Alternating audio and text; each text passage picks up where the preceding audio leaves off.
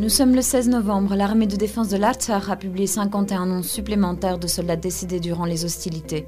Le nombre total de soldats morts côté arménien depuis le début de la guerre dans le Haut-Karabakh le 27 septembre s'élève à ce jour à 1434. Le 14 novembre jusque tard dans la nuit, le comité international de la Croix-Rouge, avec l'aide du corps russe du maintien de la paix, a cherché les militaires et civils inconnus ou disparus ainsi que les corps de militaires tués durant les combats. Selon la porte-parole du ministère arménien de la Défense, Shushan Stepanian, les échanges des corps des soldats ont également eu lieu sur la ligne de contact. La région de Karvachar, dans la zone nord-ouest du Haut-Karabakh, n'a pas été remise le 15 novembre à l'Azerbaïdjan comme convenu dans l'accord de cessez-le-feu.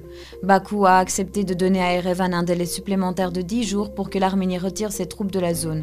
Les habitants et les troupes ont donc jusqu'au 25 novembre pour quitter le territoire. Dans la région se trouve également le monastère arménien de Dadivank, bâti entre le 9e et le 13e siècle. À l'annonce de la remise du territoire, de nombreux Arméniens se sont rendus au monastère pour visiter ou se recueillir dans le lieu spirituel. Dans un communiqué de presse en ligne, le Premier ministre Nicole Pachinian a tenu à clarifier plusieurs points sur la situation actuelle dans le pays et la guerre du Haut-Karabakh. Depuis l'annonce de la signature de l'accord de cessez-le-feu le 9 novembre, qui a abouti à la remise de plusieurs régions du Haut-Karabakh à l'Azerbaïdjan, de nombreuses manifestations organisées par les partis d'opposition ont été organisées dans la ville demandant la démission de Nicole Pachinian. Ceux qui s'opposent à Pachinian se sont vus confrontés à ceux qui le soutiennent, créant une tension au sein même du pays. Nous devons exclure les conflits civils en Arménie. Le système d'application de la loi de l'Arménie a suffisamment de potentiel pour empêcher une telle chose, a-t-il déclaré. En ce qui concerne sa décision de signer l'accord tant contesté, Pachinian a réitéré ses propos. L'Arménie ne pouvait gagner face à la technologie utilisée par l'Azerbaïdjan et l'aide de la Turquie.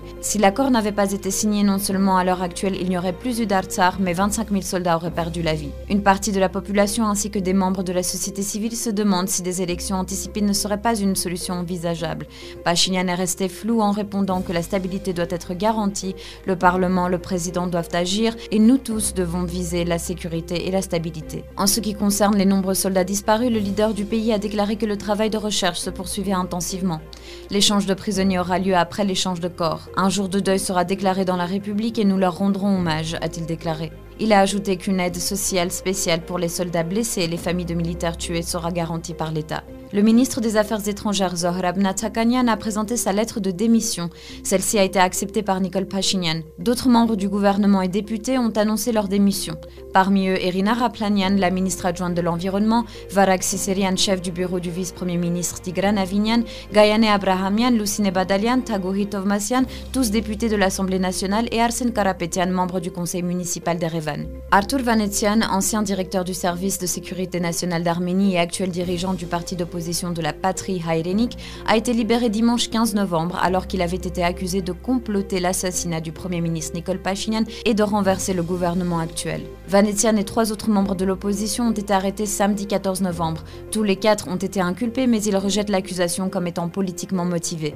Le parti Patrie de Vanetian est l'un des 17 groupes d'opposition arméniens qui ont lancé des manifestations contre le Premier ministre arménien pour avoir capitulé devant l'Azerbaïdjan. Les partis d'opposition demandent la démission de Pachinian. Le Premier ministre rejette les accusations et dit qu'il a signé l'accord de fin de guerre avec l'Azerbaïdjan et la Russie pour mettre un terme à de nouvelles pertes territoriales et sauver la vie de milliers de soldats. Néanmoins, l'opposition s'est engagée à poursuivre les manifestations dans la capitale Erevan. Annie Paitian pour CivilNet.